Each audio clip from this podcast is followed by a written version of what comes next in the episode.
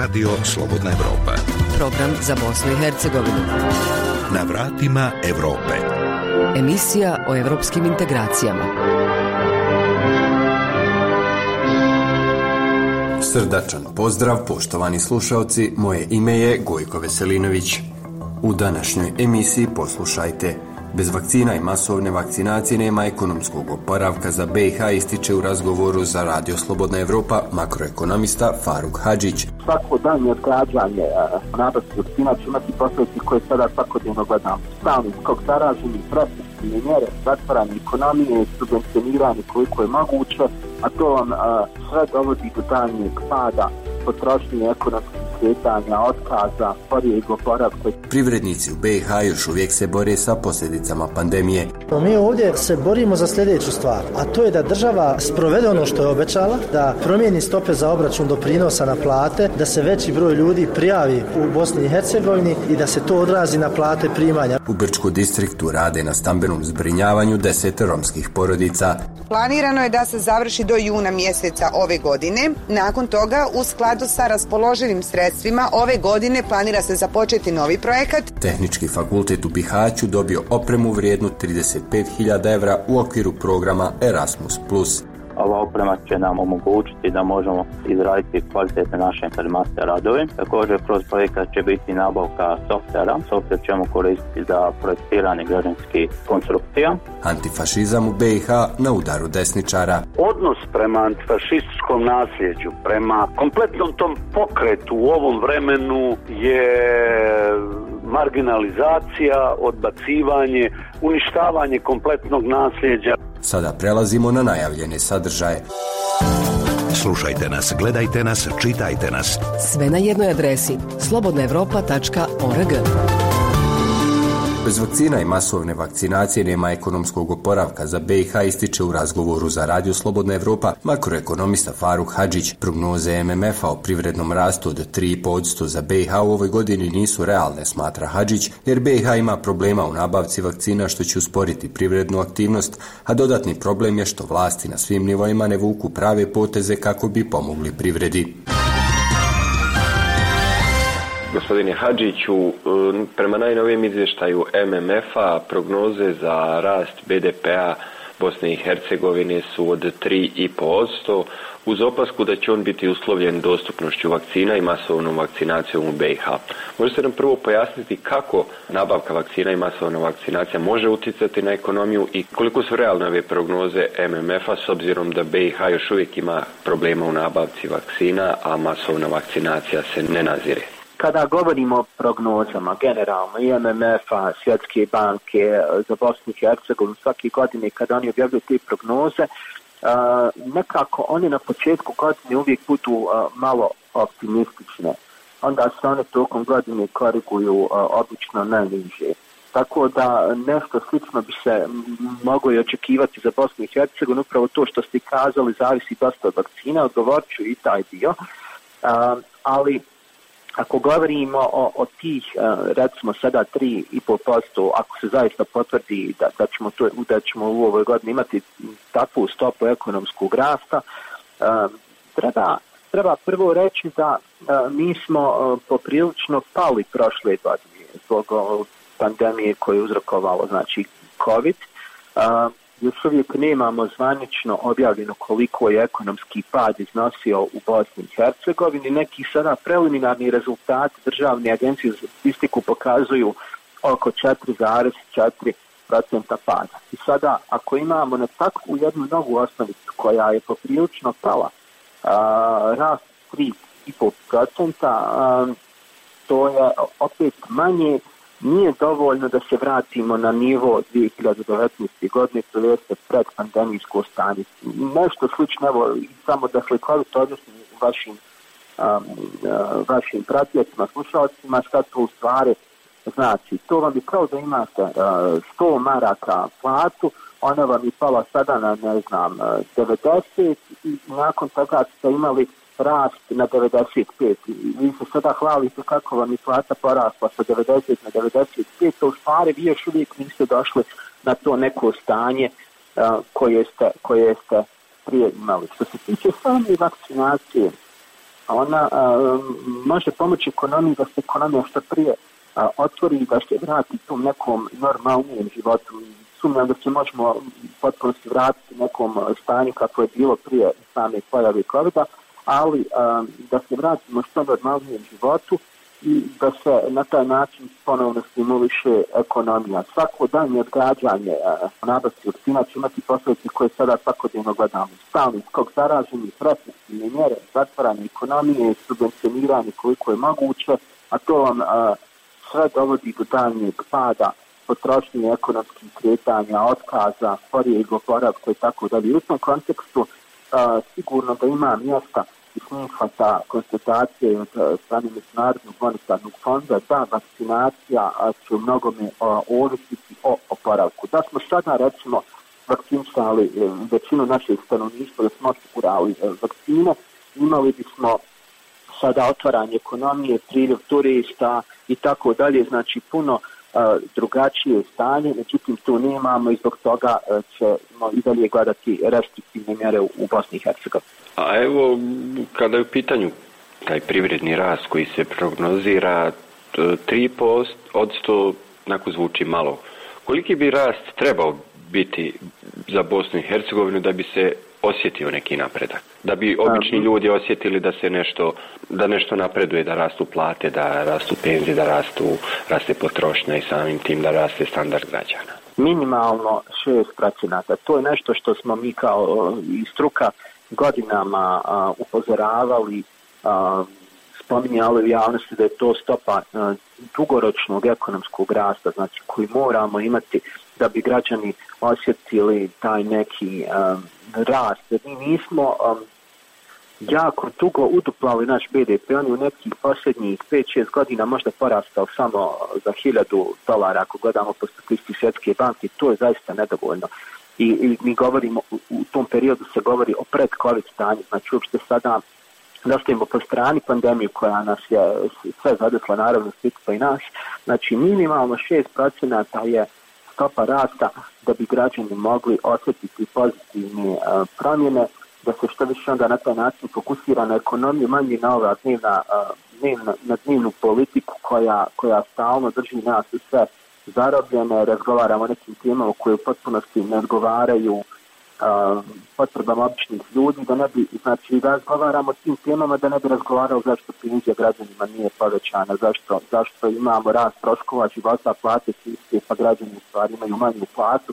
Tako da, ako bi a, nastavili s ovim stopama od 2-3 procenta, to je toliko a, sporo da nije dovoljno pate da suskrijemo ni zemlje našeg okruženja koje su na sve prestigle po BDP-u osim Kosova. Znači Kosova je jedino iza nas, ali ono bi nas također tempo mi nastavimo mogu brzo prestiti. Kako je trenutno stanje u ekonomiji i kakve su bile posljedice pandemije u BiH jer nemamo nikakvih zvaničnih podataka od strane institucija i vlasti na bilo kojem nivou i da li su rezultati te dale mjere koje su vlasti donosile kao podršku privredi i kakve?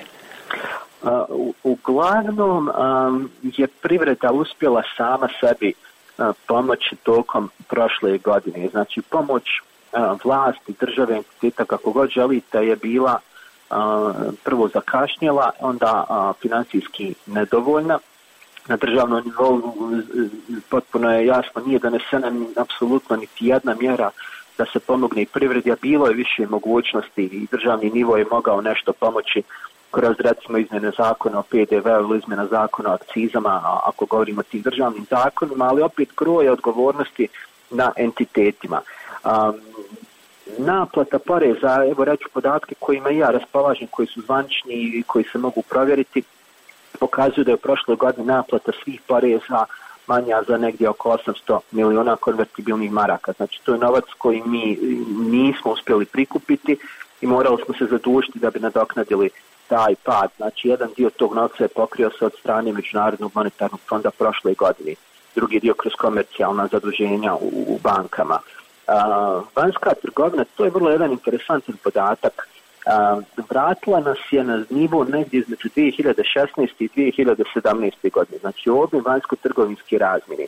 Izvoz nam je pao za oko 2,6 milijarde konvertibilnih maraka, pardon, uvoz pao za 2,6 milijarde maraka, uvoz za, za izvoz za oko 900 miliona. I vratili smo se na taj nivo koji smo imali između 2016. i 2017. godine.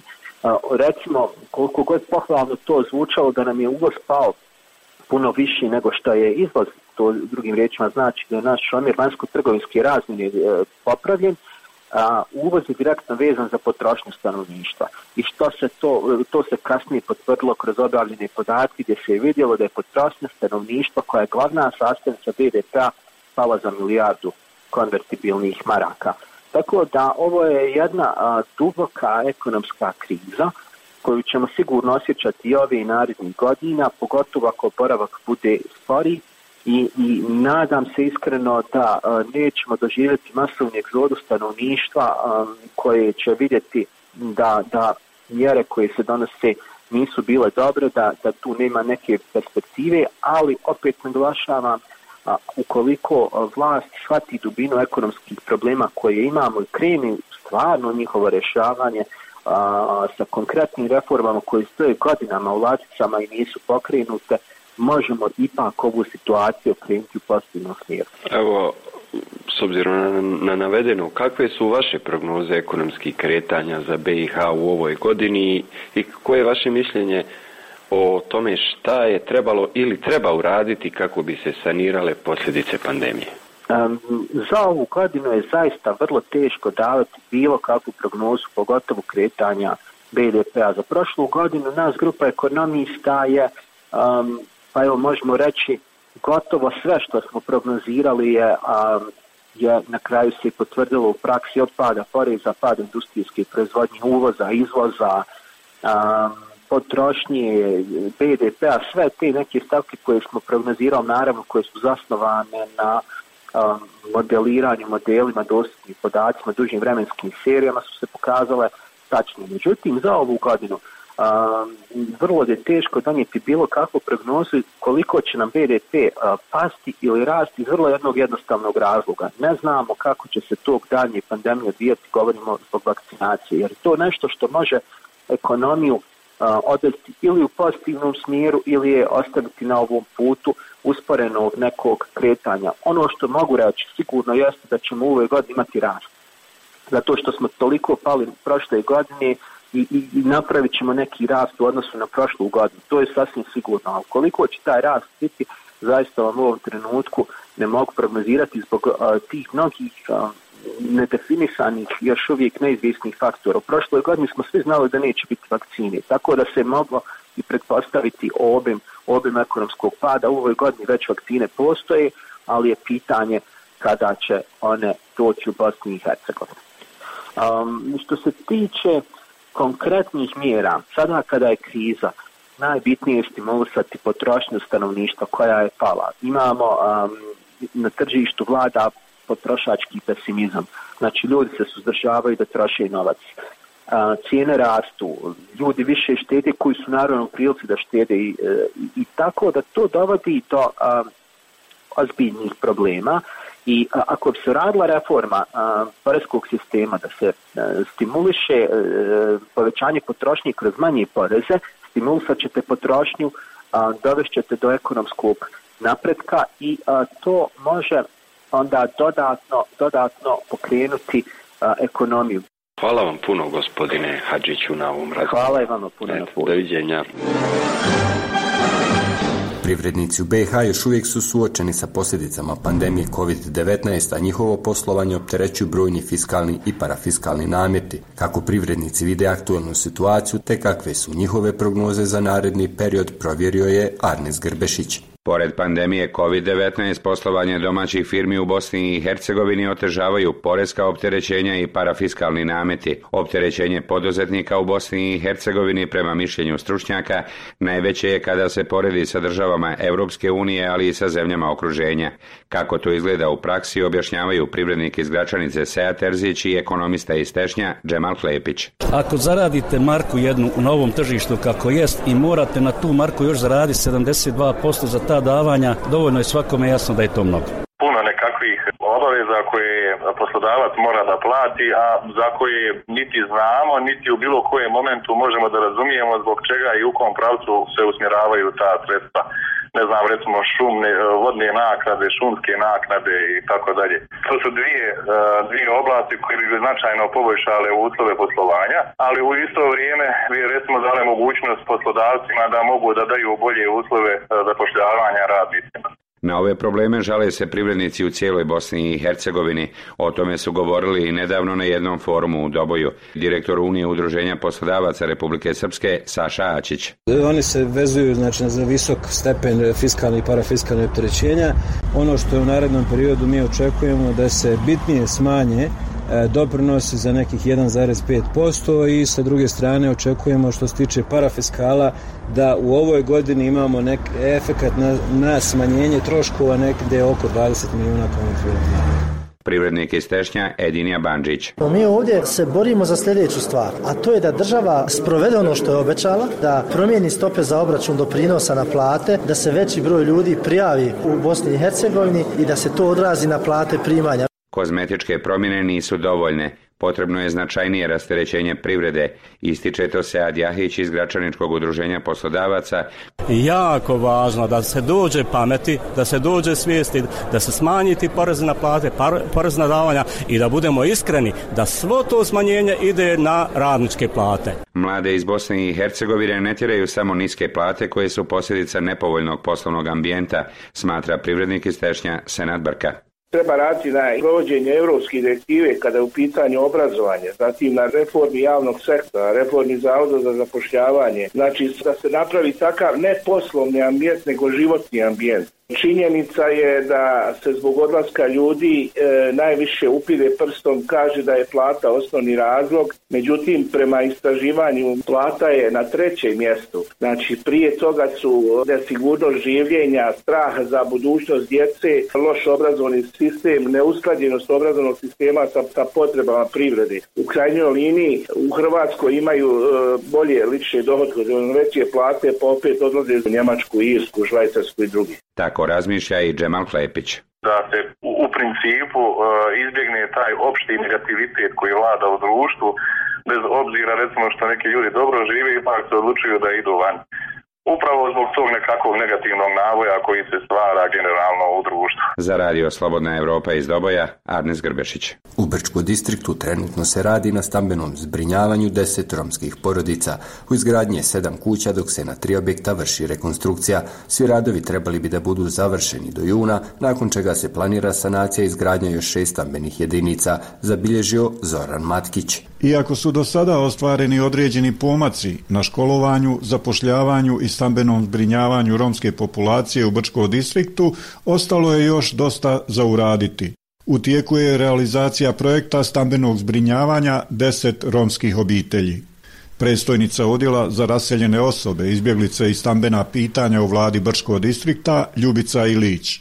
Planirano je da se završi do juna mjeseca ove godine. Nakon toga, u skladu sa raspoloživim sredstvima, ove godine planira se započeti novi projekat koji uključuje otprilike šest stambenih jedinica rekonstrukcije ili sanacije i jednu stambenu jedinicu izgradnje. Nakon toga u narednim godinama, dakle u skladu sa raspoloživim sredstvima, realizirat ćemo odabrane, a ne realizirane korisnike iz prethodnih godina.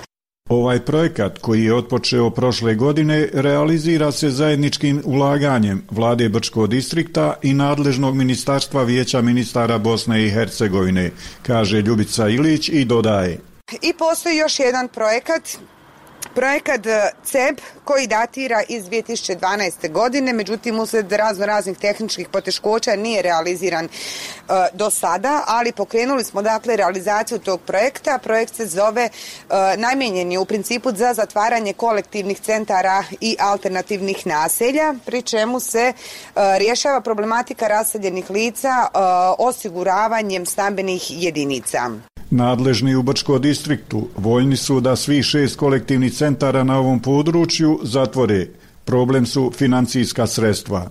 Budući da nemamo dovoljno sredstava, sredstva koja imamo su kreditna sredstva i iznose nekih milijoni 407 tisuća eura, Ta sredstva ne mogu biti dostatna naravno za zatvaranje svih kolektivnih centara na području Brčkog distrikta, čak ne mogu biti dostatna ni za same prutače, ali mogu riješiti 90% otprilike tamo uh, tih stambenih jedinica i imamo dakle odluku vlade da se taj CEP provodi isključivo na prutačama.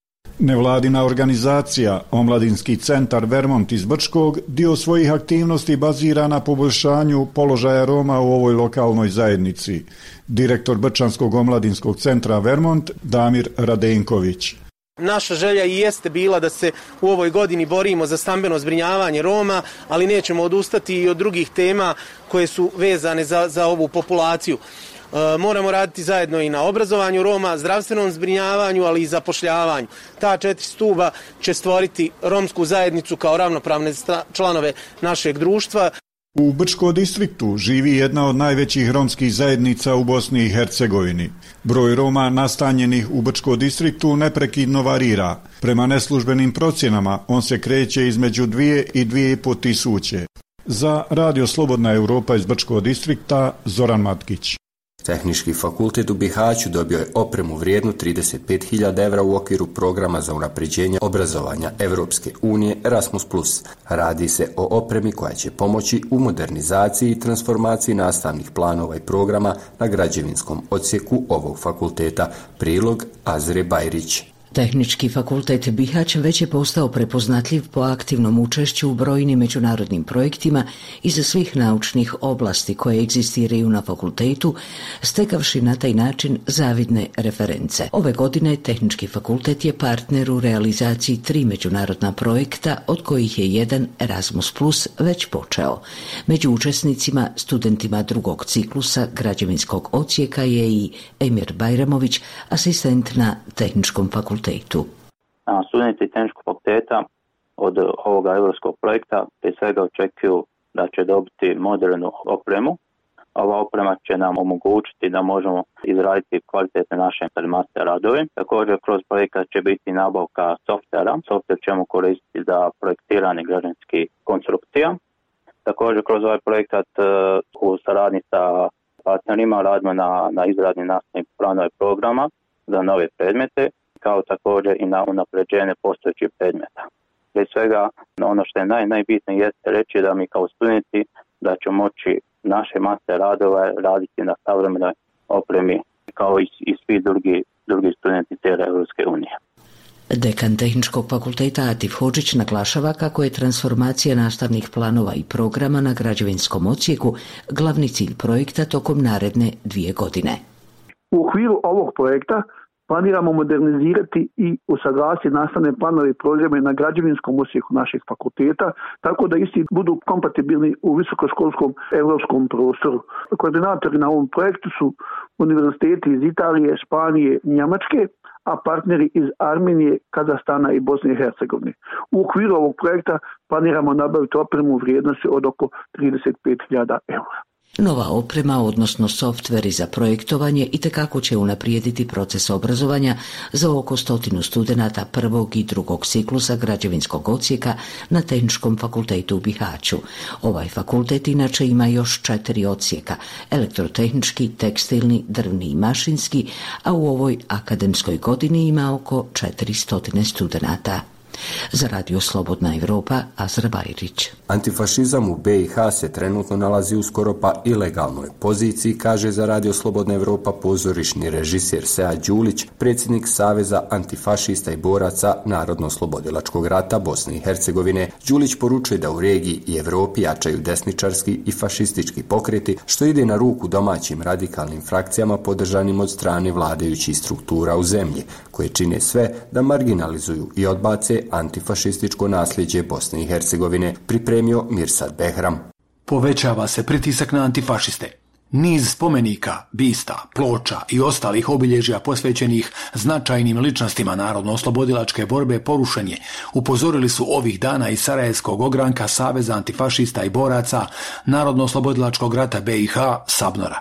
Predsjednik Sabnora, inače pozorišni reditelj Sead Đulić, za Radio Slobodna Evropa kaže tim povodom Kako je antifašizam u Bosni i Hercegovini u sličnoj poziciji kao i 1941. godine, skoro pa u ilegali. Zato što odnos prema antifašističkom nasljeđu, prema kompletnom tom pokretu u ovom vremenu je marginalizacija, odbacivanje, uništavanje kompletnog nasljeđa, brisanje tog nasljeđa, revizija istorije.